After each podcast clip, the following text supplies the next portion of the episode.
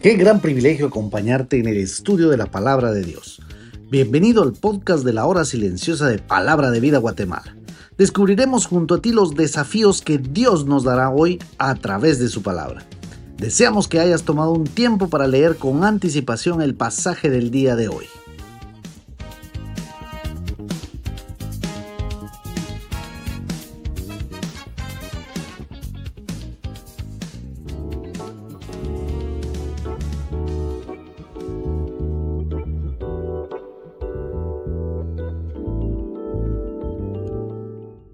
Qué bueno poder estar en comentario de la hora silenciosa el día de hoy. Te saluda Oscar Fuentes nuevamente del Ministerio de Palabra de Vida en Guatemala y queremos contarles que tuvimos una semana increíble. Más de mil chicos llegaron a nuestro campamento allí en el kilómetro 139.5 carretera Tacisco y fue un campamento excepcional. Más de 300 personas recibieron a Cristo como su Salvador personal y estamos agradecidos con lo que Dios ha estado haciendo en el ministerio y seguirá haciendo aún con todo en el 2024. Un escritor dijo, entre más conoce los atributos de Dios, más entiendes sus actos. Hoy estaremos en Lucas capítulo 8, del 41 al 56. Y la palabra de Dios dice, entonces vino un varón llamado Jairo, que era de la principal de la sinagoga, y postándose a los pies de Jesús le rogaba que entrase a su casa porque tenía una hija única como de 12 años que estaba muriendo, y mientras iba, la multitud le oprimía, pero una mujer que padecía de flujo de sangre desde hacía 12 años y que había gastado en médicos todo cuanto tenía y por ninguno había podido ser curada, se le acercó por detrás y tocó el borde de su manto, y al instante se detuvo el flujo de su sangre. Entonces Jesús dijo, ¿quién es el que me ha tocado? Y negando todos, dijo, Pedro y los que con él estaban, Maestro, la multitud te aprieta y oprime, y dices, ¿quién es el que me ha tocado? Pero Jesús dijo, alguien me ha tocado porque yo he conocido que ha salido poder de mí. Entonces, cuando la mujer vio que no había quedado oculta, vino temblando y postrándose a sus pies le declaró delante de todo el pueblo por qué causa le había tocado y cómo al instante había sido sanada. Y él le dijo, o sea, Jesús, hija, tu fe te ha salvado, ve en paz. Estaba aún hablando cuando vino uno de la casa del principal de la sinagoga a decirle, tu hija ha muerto, no molestes más al maestro. Oyéndolo Jesús le respondió, no temas, cree solamente y serás salva. Entrando en la casa, no dejó entrar a nadie consigo, sino a Pedro, a Jacobo, a Juan y al padre y a la madre de la niña.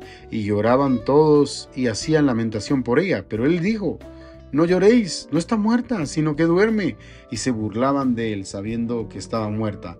Mas él, tomándola de la mano, clamó diciendo, muchacha, levántate. Entonces su espíritu volvió e inmediatamente se levantó y él mandó que se le diese de comer y sus padres estaban atónitos, pero Jesús les mandó que a nadie dijesen lo que había sucedido. Qué maravilloso pasaje que vemos el día de hoy. Hoy veremos cómo el Señor estaba sanando a la mujer que tenía flujo de sangre, pero en los primeros versos aparece un padre que probablemente estaba afligido por lo que estaba aconteciendo a su hija. La hija que tenía 12 años y que estaba este hombre a los pies de Cristo. Y esto es lo que verdaderamente nosotros tenemos que hacer cuando no solamente está pasando algo diferente en nuestras vidas, sino todas las veces que podamos venir a los pies de Cristo cuando verdaderamente necesitamos algo que solamente Cristo puede hacer, no solo como un Dios bombero, que pido una ambulancia cada vez que estoy en problemas, sino realmente venir a Cristo a sus pies todos los días de nuestra vida. Una desesperación. Su hija tenía 12 años de edad. Algo que me llama mucho la atención es de que eh, la niña tenía 12 años de edad y es increíble porque también dice que la mujer hacía 12 años tenía este flujo de sangre en su vida. No cabe duda que estaban esperando a aquel que podía hacer grandes cosas y que era Cristo. Y 12 años habían transcurrido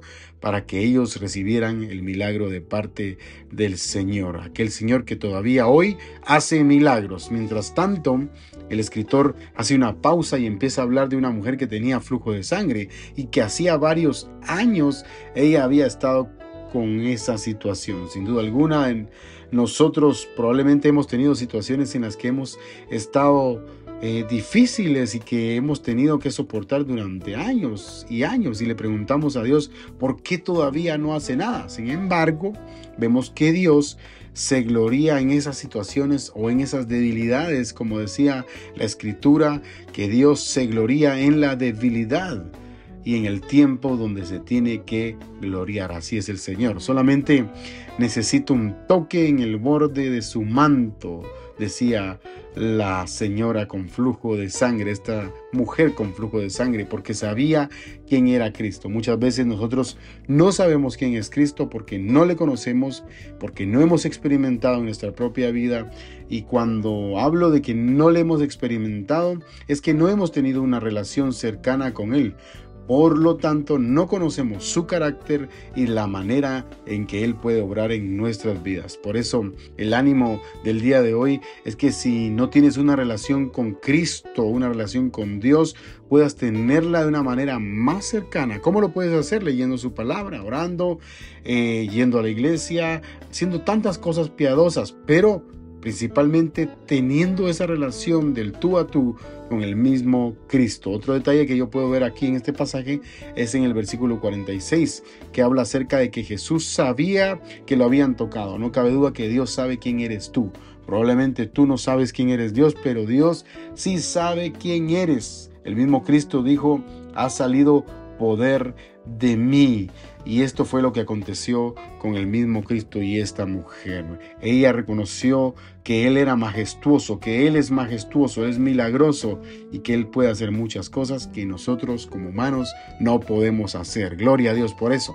En el verso 47 y 48 no solamente vemos a Jesús venir ante esa mujer y la mujer de alguna de otra manera estaba asustada por lo que había de acontecer, pero vemos a Cristo en el versículo 48 que dice, tu fe te ha salvado, ve en paz. Esto es lo que hace Cristo con cada uno de nosotros. No solo nos ofrece sanidad, sino nos ofrece también salvación. Muchas veces la gente se equivoca viniendo a Cristo porque lo sanó de algo, pero usted tiene que reconocer a Cristo como su Salvador personal.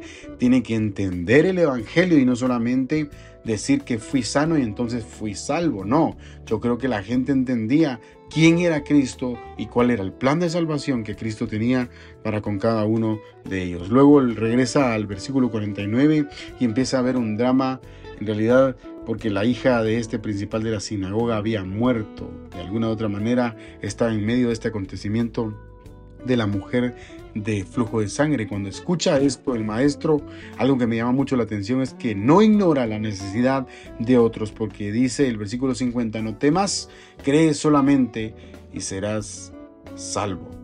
Esto es interesante porque Cristo estaba preocupado verdaderamente por lo que estaba aconteciendo con la hija de este hombre principal de la sinagoga, la hija de Jairo una chica que supuestamente había muerto, pero vemos en los siguientes versículos que la madre lloraba, todos los que estaban alrededor lloraba y de alguna manera eh, vino el Señor Jesús y les dijo no está muerta, sino que duerme y el versículo 53 dice y se burlaban de él sabiendo que estaba muerta, mas él tomándola de la mano clamó diciendo muchacha levántate, entonces su espíritu volvió, esto solamente Lucas lo dice e inmediatamente se levantó y él mandó que se le diese de comer. Y probablemente muchos se quedaron atónitos con esto. Por eso vívelo el día de hoy. Yo te animo a que tengas la fe de esta mujer y de este hombre que creyeron que solamente había uno que podía sanar, pero también que podía salvar. Esto es lo que tenemos que proclamar de Cristo. Que el soberano Dios bendiga tu vida grandemente.